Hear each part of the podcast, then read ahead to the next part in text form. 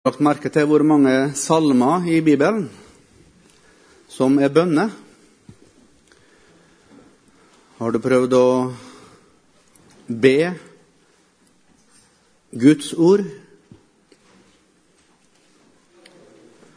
Har du lagt merke til hvor mange åpningssanger i sangboka som er forma som bønner? Skal vi sammen be en sang nå? Det er sangen på nummer 42. Jeg tror du har sunget den mange ganger. Nå skal vi be den i fortsettelse av dette møtet.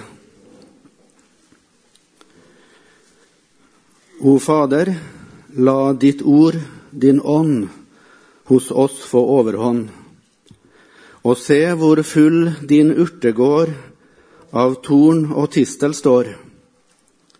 Din vekst du har vel her, men akk, hvor tynn den er.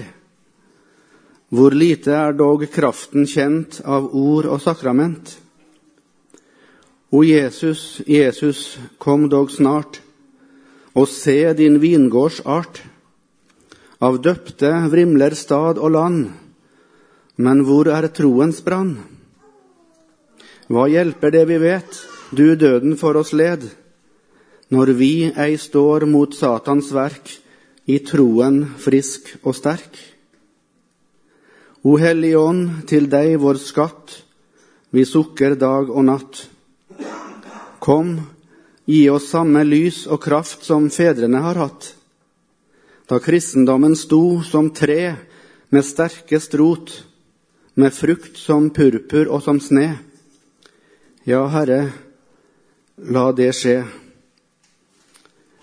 Amen.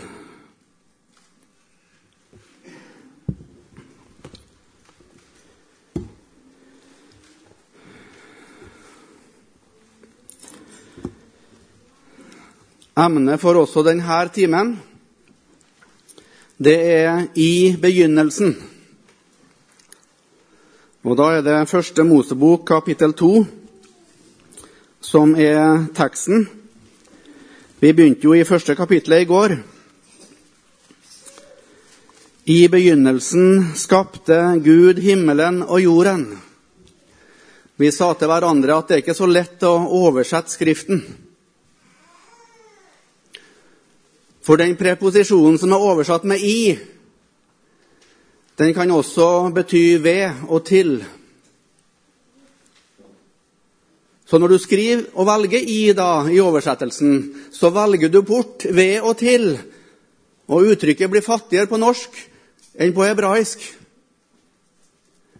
Du kunne godt skrevet 'ved begynnelsen' og 'til begynnelsen'. Og du kunne godt skrevet begynnelsen med stor bokstav, stor B. For det kan godt være et egennavn. Og hvem i Skriften er det som kaller seg med det egennavnet? Jo, det er Jesus Kristus. I Kristus og ved Kristus og til Kristus skapte Gud himmelen og jorden. Og vi leste versene fra Kolosserne 1, som vi ikke skal slå opp i dag, som nettopp forklarer Første Mosebok 1.1.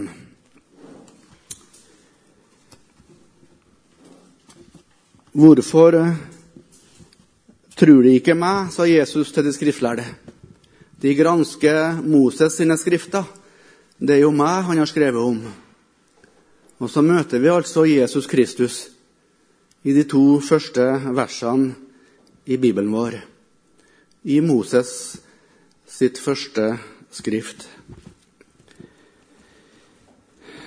Det er jo ei underlig vakker skapelsesberetning i første Mosebok 1.1. Det er ei beretning som ånde av ro, av trygghet. Det er en underlig fin progresjon der. Det er Gud som vet hva han gjør, og som gjør det han vil. Full kontroll. Og det folder seg ut. Og så er det mennesket som er skapt til slutt. Til mann og kvinne skapte han dem. Der er det egentlig adjektiv som er brukt. Han skapte dem maskulin og feminin. Kjønnsforskjellen er altså noe Gud skapt og noe Gud ville. Det var Gud som fant opp det.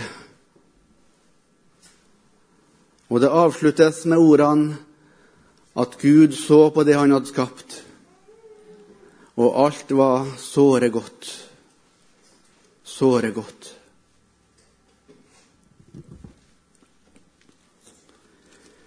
Og så går vi til kapittel to.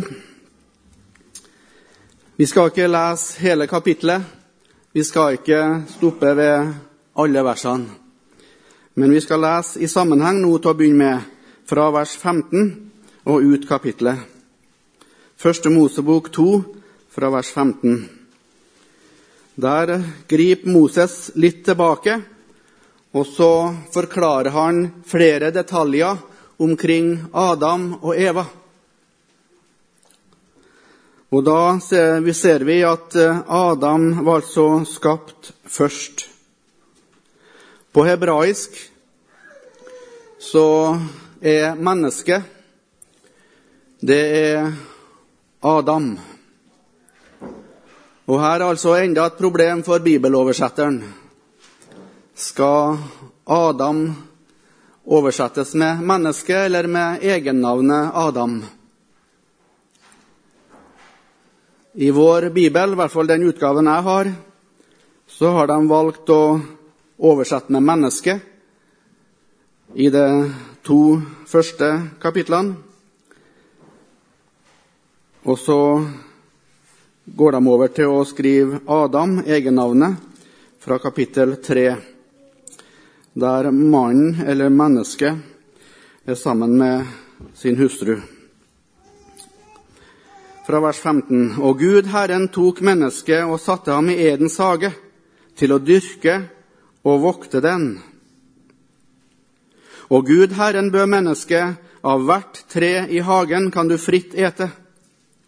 Men treet til kunnskap om godt og ondt må du ikke ete av, for den dag du eter av det, skal du visselig dø. Så sa Gud Herren, det er ikke godt for mennesket å være alene. Jeg vil gjøre ham en medhjelp, som er hans like. Gud Herren hadde formet av jord alle markens dyr og alle himmelens fugler, og han førte dem til mennesket for å se hva han ville kalle dem. Det navnet mennesket ga hver levende skapning, det skulle den ha. Så ga mennesket navn til alt feet, til himmelens fugler og de ville dyr. Men for seg selv fant mennesket ingen medhjelp som var hans like. Da lot Gud Herren en dyp søvn komme over mennesket, og mens han sov, tok han et av hans ribben og fylte igjen med kjøtt. Og Gud Herren bygde av det ribben han hadde tatt av mannen, en kvinne, og førte henne til mannen. Da sa mannen, denne gang er det ben av mine ben og kjøtt av mitt kjøtt. Hun skal kalles manninne, for av mannen er hun tatt. Derfor skal mannen forlate sin far og sin mor og bli hos sin hustru, og de skal være ett kjød. De var nakne, både Adam og hans hustru, men skammet seg ikke. Amen. Det er fantastiske bilder. Det er en fantastisk virkelighet. Adam og Eva på ei nyskapt, dogfrisk jord.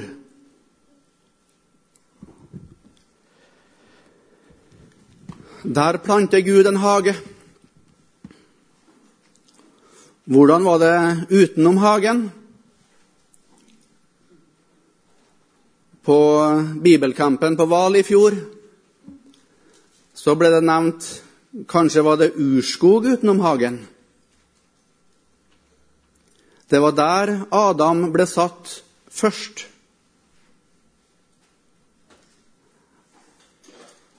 Adams førsteinntrykk var ikke en hage. men en jungel. Ja, kanskje. Jeg hadde aldri tenkt over det før jeg hørte det i fjor. Men Gud planter i alle fall en hage. Var det mer velfrisert der? Var det grusganger og litt system på det? Vi vet ikke så mye.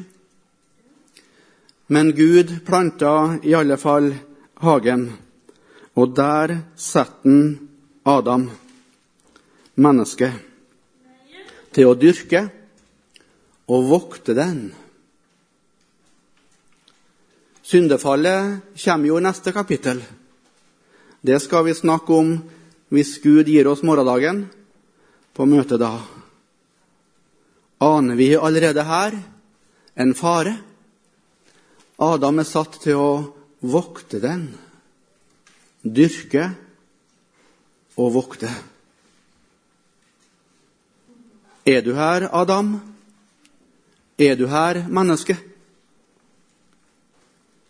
Er du her, du som er far? Er du her, du som er mann? Er du her, du som er ungdom? Ja, men jeg har ingen Edens hage, sier du. Nei, men du har fått ditt liv, og du har fått din plass. Du skal dyrke og vokte den. Arbeidet er altså ikke et resultat av syndefallet. Adam, mennesket, fikk veldig konkrete oppgaver også før syndefallet. Arbeidet er ikke noe du skal gjøre for å få daglig brød. Arbeidet har utover det verdi i seg sjøl. Arbeidet adler mennesket. Og leser vi videre utover i Moses sine skrifter, så ser vi at budet om å holde én dag hellig også er budet om først å arbeide i seks.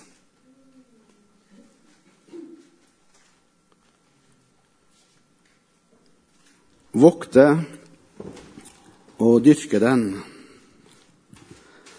Og så kommer budet til Adam. Det leser vi en gang til men vi snakker om det først i morgen. Og Gud, Herren, bød mennesket av hvert tre i hagen kan du fritt ete. Men treet til kunnskap om godt og ondt må du ikke ete av, for den dag du eter av det, skal du visselig dø. Så sa Gud, Herren, det er ikke godt for mennesket å være alene. Jeg vil gjøre ham en medhjelp som er hans like. Her ser vi Herrens omsorg for mennesket, for sin skapning. Og han sier, og han ser, at det er ikke godt å være alene.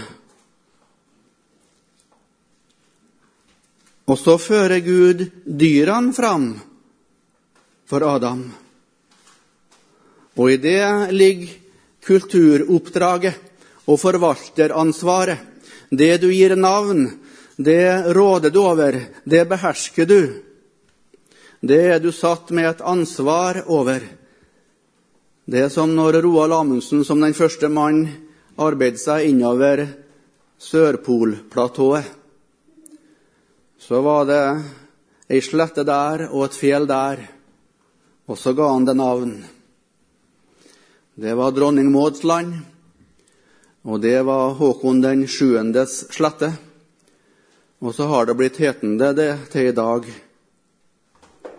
Det er noe jomfruelig over det. Du gir ting navn.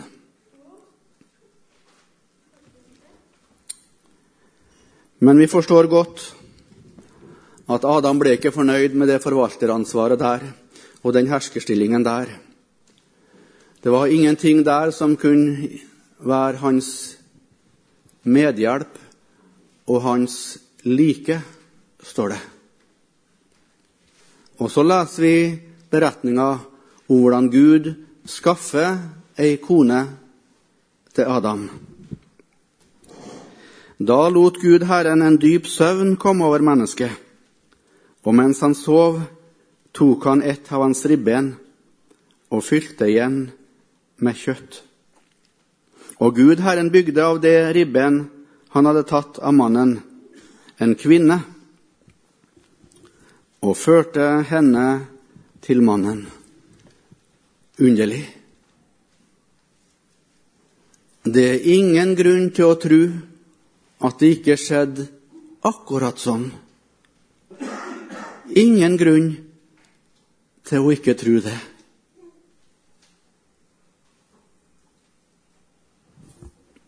Et ribben.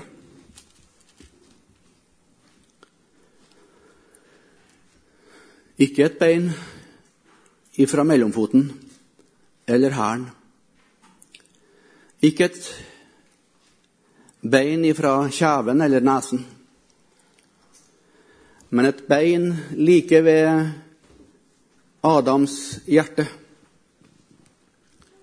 Det ble tatt. Hvordan eh, fikk Gud tak i det beinet? Det står bare at han tok. Skjedde det ved et inngrep?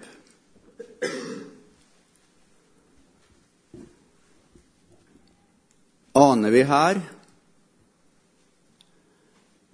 et forbilde på at den andre Adam også, også måtte gi sitt blod for å skaffe seg en brud?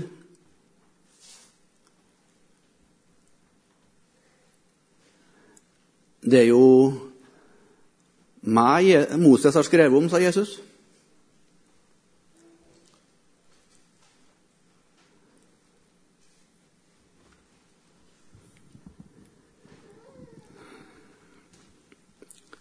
Da sa mannen, denne gang Ser du det for deg? Gud Herren har ført alle slags dyr framfor Adam. Og han var lydig mot oppdraget. Han ga dem navn. Han var villig til å herske over dem og forvalte. Men denne gang, ja, nå snakker vi. Det her var noe helt annet. Denne gang er det ben av mine ben og kjøtt av mitt kjøtt. Hun skal kalles manninne, for av mannen er hun tatt. Og igjen det er helt umulig å oversette verset her. Du som er mann, rekk opp handa hvis du kaller kona di for manninne.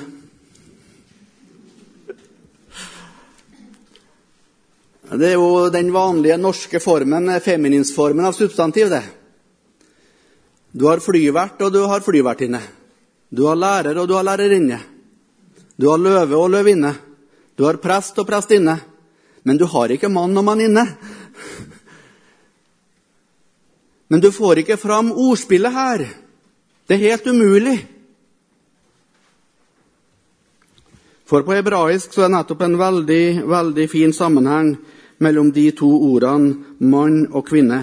Kanskje har du en bibeloversettelse der det står i fotnoten. På hebraisk så heter mann for ish og kvinne for isha. Og Mange jødiske fortolkere bruker verset her som bevis på at Gud snakker hebraisk og at Adam og Eva snakka hebraisk. Ja, jeg har ikke noe motargument mot det. Jeg syns det virker logisk. Men så nær sammenheng er det mellom mann og kvinne. Ish og Isha.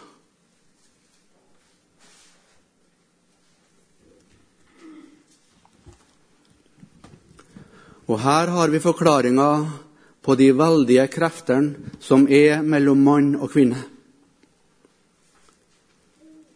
Og den sterke lengselen som er i mann og kvinne etter å bli forent igjen. De to kjønnene sin tiltrekningskraft den er så sterk og så uimotståelig nettopp fordi de er laga av samme stykke. De er deler av et hele, og de ønsker nettopp å gjenopprette det her hele. Utfylle hverandre igjen og bli ett igjen. Nå vet jeg ikke hvordan bibeloversettelse du har. Jeg har norsk bibel. Og der er trykken Det antyder vanlig prosastoff, vanlig fortellerstoff. Har du en utgave fra Bibelselskapet, så ser du at dette verset, teksten er rykka inn med utvida marg. Og det antyder at det i grunnteksten er poesi. Det er lyrikk. Det er dikt. Her er verdenslitteraturens aller første kjærlighetsdikt. Du ser det for deg.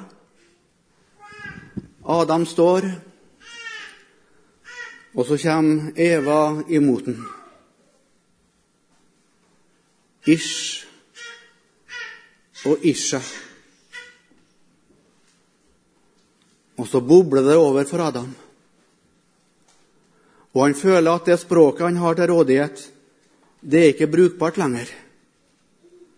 Og så blir han lyrisk og poetisk, for han ser kvinnen komme imot seg. Denne gang er det ben av mine ben og kjøtt av mitt kjøtt. Hun skal kalles manninne, for av mannen er hun tatt. Og så kommer Bibelen med vers 24. Og det starter med 'derfor'. Hvorfor? Her er ikke Adam sine ord. Her er Herrens ord. Det er Herrens reaksjon på at Adam reagerer så sterkt. Reaksjonen på at det bobler over for Adam. Her er det voldsomme krefter. Her er det voldsom tiltrekning. Og Gud sier 'derfor'. Og så sier Herren det kjerneverset om ekteskapet, som du finner hele tre ganger også i Det nye testamentet. Jeg sier det igjen det er kjerneverset og grunnlagsverset i Bibelen om det kristne ekteskapet. Jesus bruker det i sin undervisning, og Paulus bruker det i sin undervisning. Det definerer et ekteskap. Derfor skal mannen forlate sin far og sin mor og bli hos sin hustru, og de skal være ett kjød. Derfor skal mannen forlate sin far og sin mor og holde seg til, står det noen oversettelser, og holde seg til sin hustru, og de to skal være ett kjød.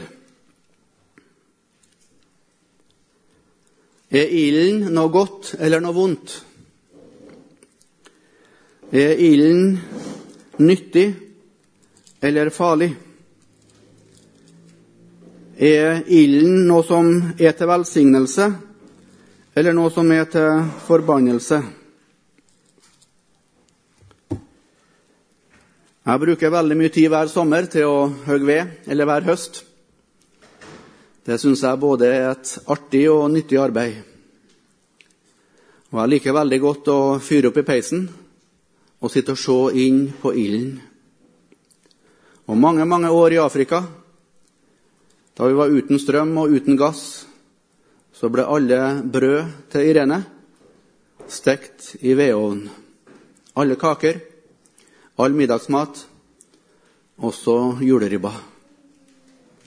Den var i sannhet nyttig, ilden, og til velsignelse for oss. Samtidig er det ei grav hjemme i Melhus, der bror min ligger. Han døde bare 26 år gammel. Det var ilden som tok han. Ilden var løs. Og ilden begynte å brenne der han ikke skulle være. Det er ei voldsom kraft i ilden.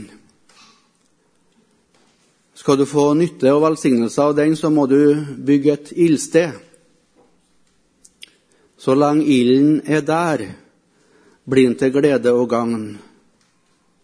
Flytter du den ut derfra, så kan den lett bli ei forbannelse. Og det er det ikke det vi ser i dag.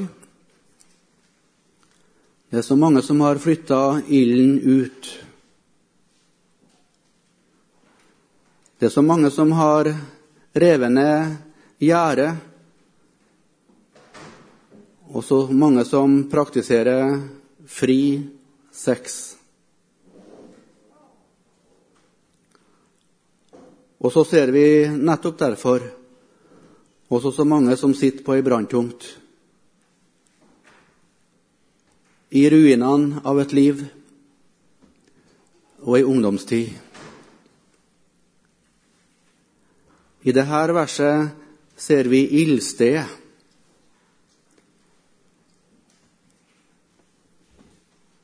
I dette verset ser vi rammene omkring seksuallivet.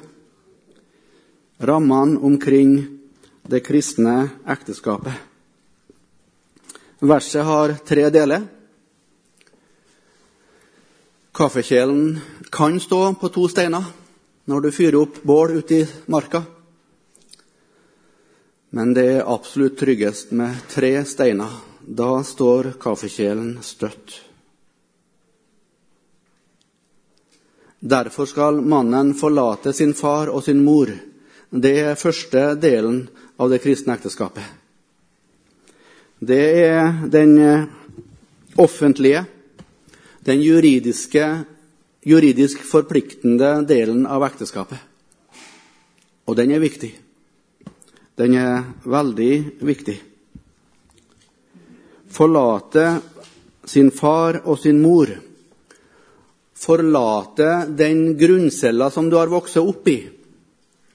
Gå ut av den relasjonen og få en ny førsterelasjon.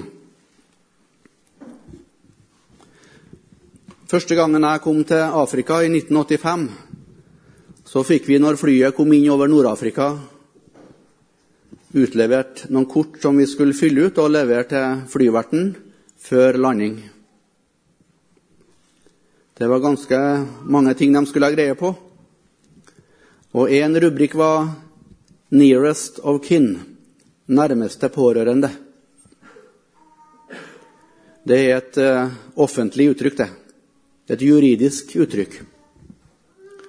Og jeg måtte skrive Åsmund Fagerli. Jeg var ugift.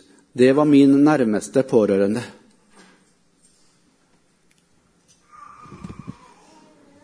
Seks og et halvt år senere kom jeg over Nord-Afrika igjen og jeg fikk det samme kortet. Da satt Irene i nabosetet. Og når jeg da skulle skrive 'nearest of kin', så kunne jeg ikke skrive Åsmund Fagle lenger. Da hadde jeg forlatt mor og far.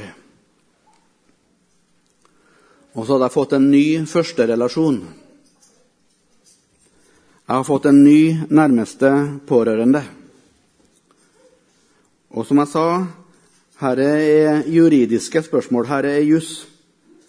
Det har betydning for skatt, det har betydning for lån, det har betydning for samværsrett, husleie, barn, arv.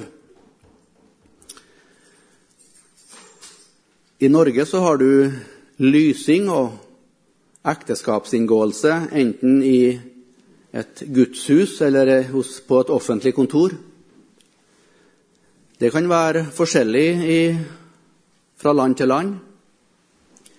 Men alle kulturer har gjennom alle årtusen hatt sin prosedyre for å vise klart hvilken status et menneske har, gift eller ugift. Og når du går inn i ektestanden, så har det vært et ritual for det og en fast ordning for det, så alle visste om, en, om et menneske var gift eller enda ikke gift. Mannen skal forlate sin far og sin mor. Forlate sin far og sin mor.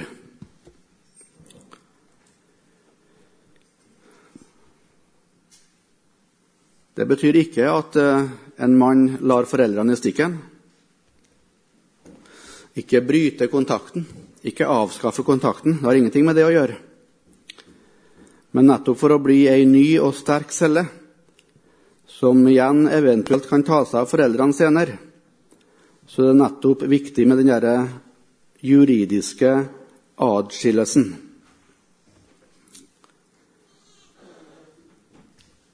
Den neste delen av ekteskapet å holde seg til sin hustru. Å holde seg til sin hustru.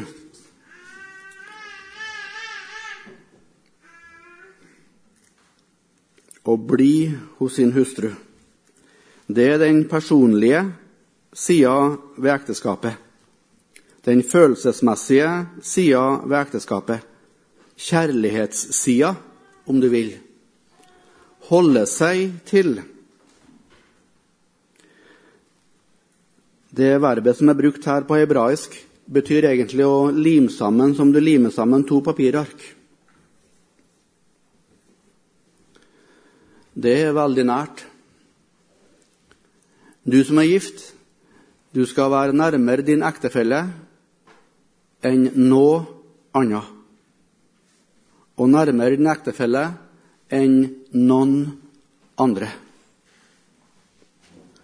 Du skal være nærmere enn du er arbeidet ditt, vennene dine, interessene dine, foreldrene dine og barna dine.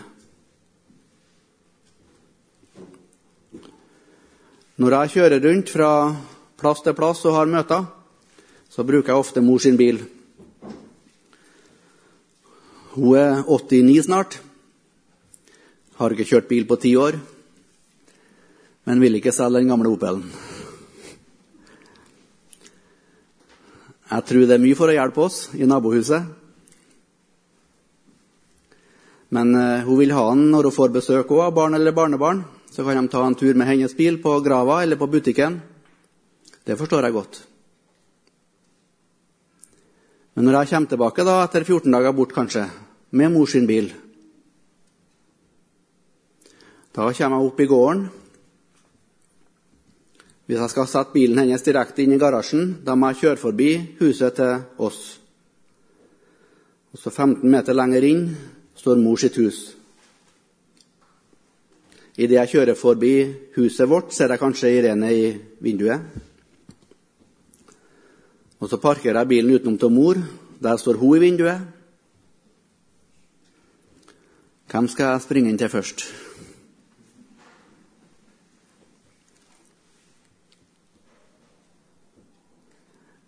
Jo, da skal jeg holde, til, holde meg til min hustru.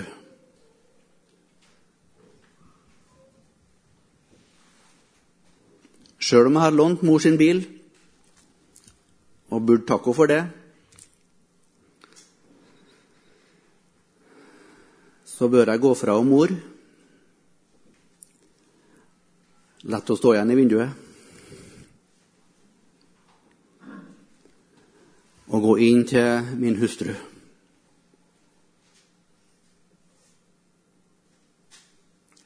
Og nå er mine barn, de fleste, så gammel at de ikke syns det er noe stas å Gi meg en klem lenger. Det var annerledes før. Men jeg bør egentlig gå forbi dem òg og gi den første klemmen til Irene.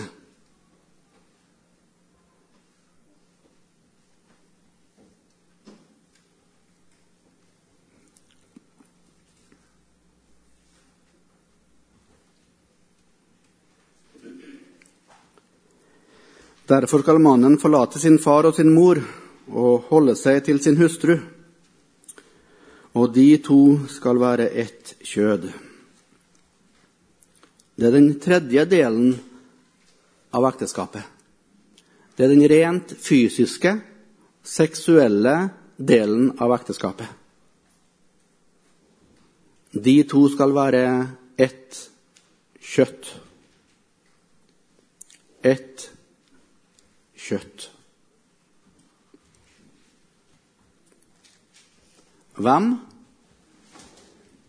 Jo, det er dem som har forlatt mor og far, og som har en klar og tydelig vilje til å holde seg til. De to skal være ett kjøtt. Ingen andre skal være ett kjøtt. Det er først når du har vist og vist offentlig og lovt offentlig, det er da du får retten. Det er Guds ord.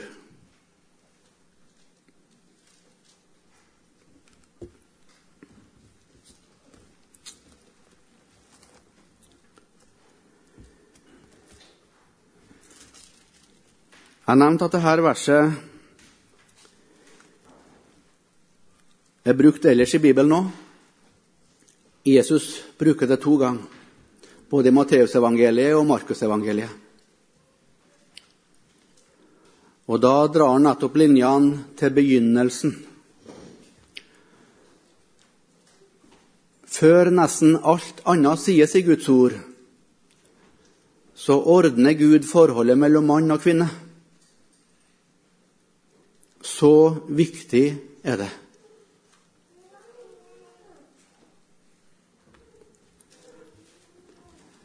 Og Paulus snakker om det i Efeserne 5. Skal vi slå opp eh, i Efeserne 5? Der står det avsnittet som i Bibelen kalles for hustavlene. Eller katekismen kalles for hustavlene. Det er ikke så mange som lærer det lenger i dag. I den lille katekismen så er det tatt inn.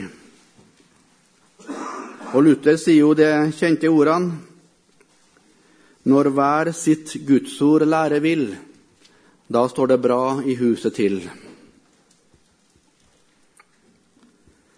Og Nå skal vi ta oss tid til å lese det som står der. Og Vi begynner i Efeserne 5, 21. Underordne dere under hverandre i Kristi frykt. Her er sagt hele menigheten. Hele menigheten skal underordne seg, underordne seg under Kristus som menighetens hode. Og i denne menigheten skal alle underordne seg under alle. Var det vi leste her. Alle skal underordne seg under alle. Under hverandre. Enhver skal sette de andre høyere enn seg selv, sier Paulus. Det skal alle gjøre. Hver og en. Det er en allmenn frukt av Guds ånd det er det han snakker om her i Efeserne 5. Bli fylt av Ånden, så dere. Det er åndsfrukt. Det er med underordning. Gud står den stolte imot. Den store, den hovmodige, den selvhjulpne. Det er jeget som vi hørte om til åpning. Det er ingenting Gud strever sånn med. Å knekke det stolte jeget. Og det byr oss sånn imot å underordne oss under de andre. Å sette de andre høyere enn oss sjøl. Det er noe selvlivet og kjødet hater. Men så har Gud mer å si Han snakker om unge og eldre, barn og foreldre, hustruer og ektemenn, arbeidstaker og arbeidsgiver. Det er gruppe for gruppe nedover her. Og innenfor disse relasjonene, da, så kommer Guds ordnende vilje på en spesiell måte til uttrykk i underordninga. Men ved at denne generelle underordninga er nevnt først, og samtidig står der uavsvekka, så skapes det på en måte en slags mjukhet i systemet. Alle har stadig si eiga dør å feie for. Og så sier altså Paulus i neste verset, dere hustruer, underordne dere under deres egne menn som under Herren. Og det var her Luther, syns jeg, da, sier det geniale. Det her er ikke skrevet til meg som mann. Jeg kan ikke si til Irene du har å underordne deg. For det gudsordet er ikke sagt til meg. Denne delen av Paulus sitt brev er spesifikt sagt til dere hustruer. Og det var det Luther mente når han sa når hver sitt gudsord lære vil, da står det bra i huset til. Hvis jeg kommer til Irene og sier 'du har med å underordne deg', da kan hun med rette anklage meg for å ha snoka i hennes brev. Det har jeg ikke rett til.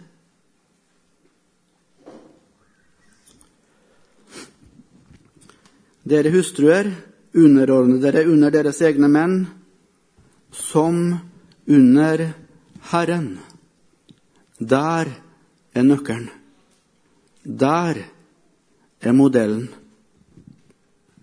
Det var ikke underordninga under en ektemann som kom først, men det var underordninga under Herren som kom først. Der er kvaliteten, der er åndsinnholdet. Og den er altså helt forskjellig fra fryktens skjelvende underordning eller trelldommens kalde forhold. Hustruens underordning det springer altså ikke ut av et krav fra mannen. Det springer heller ikke ut av hennes hang til underkastelse, men nettopp ut fra Kristusforholdet. Der er hennes djupeste lojalitet og djupeste binding. I full frihet bøyer hun seg for Kristus, og i full frihet bøyer hun seg under ordet. Derfor er det også i full frihet hun også skal underordne seg under sin mann, som under Herren. Og så kan vi si ja, men det er ingen mann som er som Kristus. Nei, og det er sant. Men likevel, det er ikke det vi snakker om. Kvinnen skal primært slippe å la seg bestemme av ektemannens kvaliteter. Men hun skal bringe noe av kvaliteten fra Kristusforholdet inn i forholdet til mannen. Det forholdet er gitt som modell og forbilde, og som en inspirerende og frigjørende ledetråd for hennes tenkning og handling i forhold til mannen.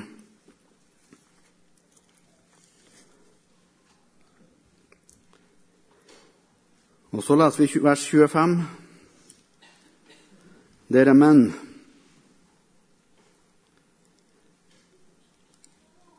Det var mitt brev. Elsk deres hustruer, like som også Kristus elsket menigheten og ga seg selv for den. Ser du det igjen? Kvinnen, altså hustruen, hun fikk sitt likesom. Som. Jeg òg får mitt som. Jeg òg får min modell. Jeg òg får mitt forbilde.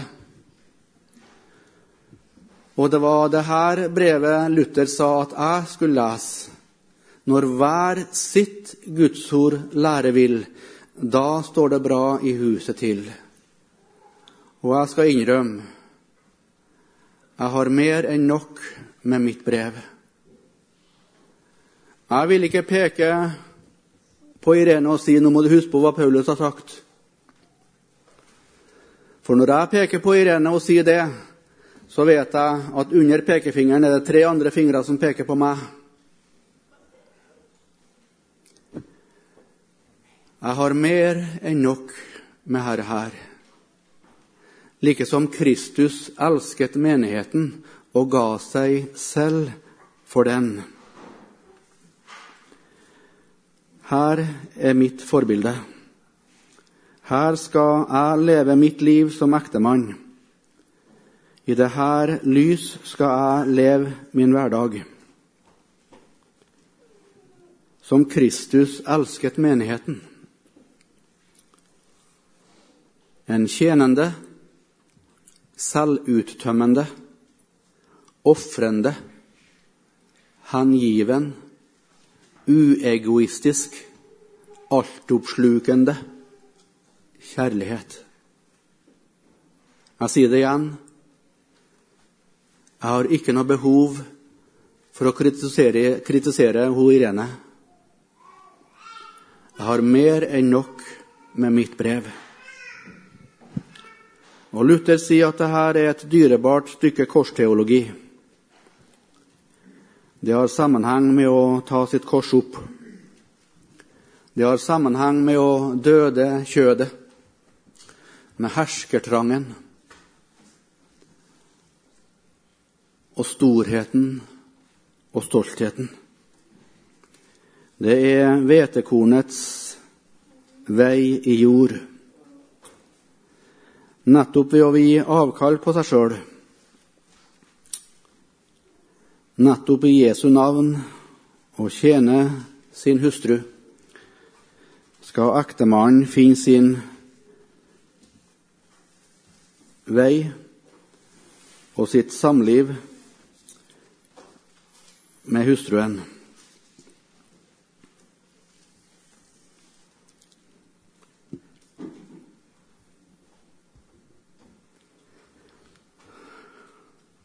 Og det munner ut i det verset vi leste fra første Mosebok, i vers 31.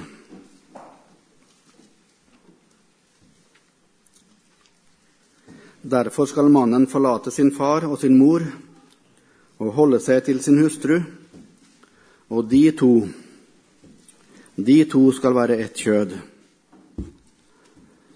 Og så fortsatte Paulus med noen underlige ord denne hemmelighet er stor. Jeg taler her om Kristus og menigheten. Oi!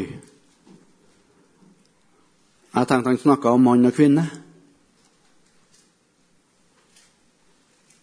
Han gjør nok det òg. Men i bunn og grunn snakker han om Kristus og menigheten.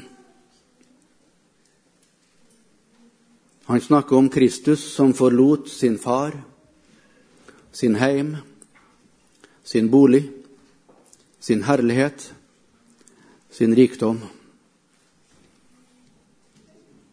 Han forteller om Kristus som holdt seg til. Han slo opp sitt telt blant oss menneskene, ble jordboer og ble menneske, ble kjøtt og blod, lærte seg vårt språk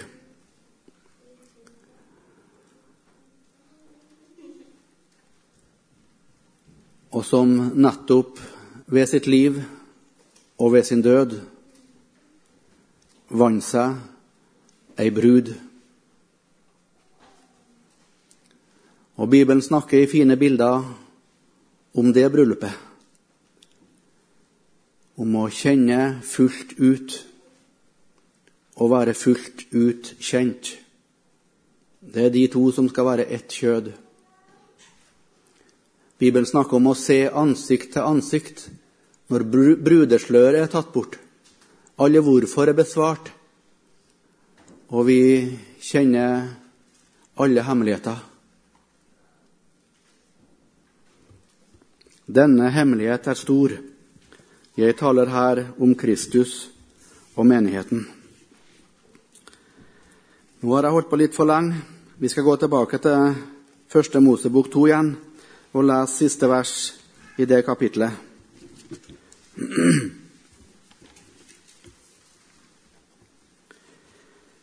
Siste vers i første Mosebok 2.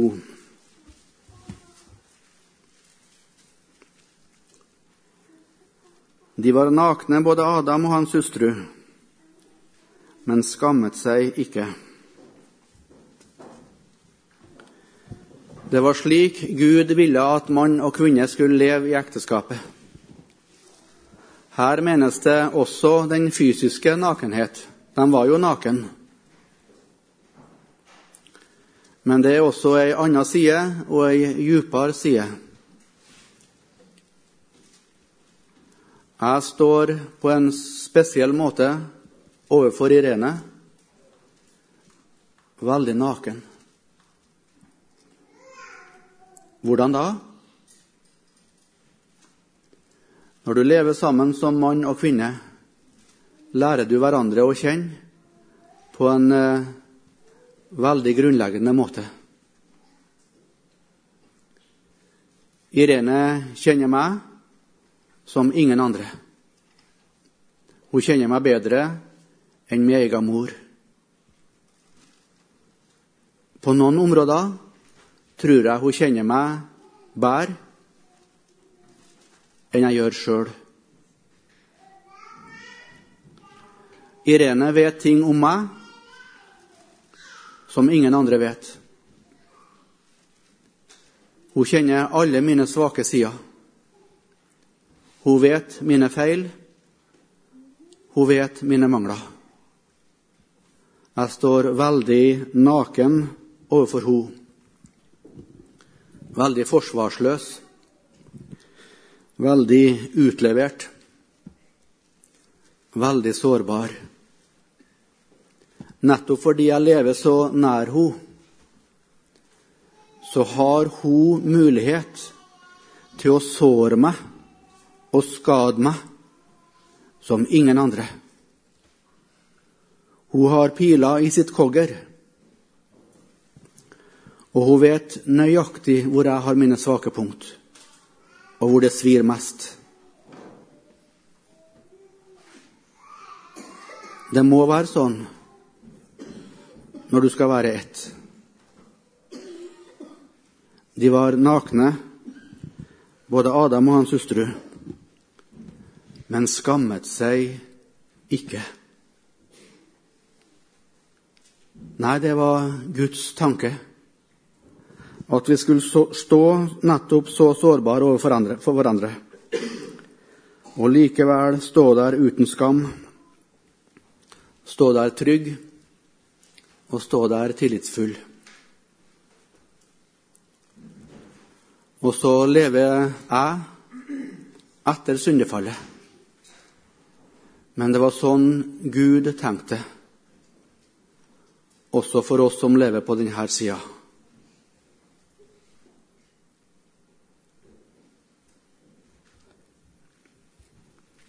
Skal vi be.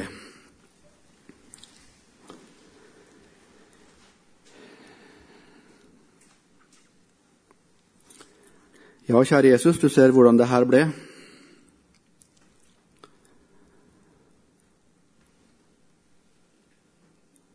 Og så ser du alle hjerter, og du ser mitt hjerte.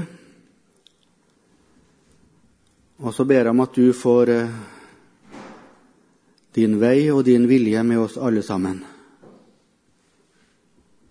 Også i det vi har snakka om nå, Jesus.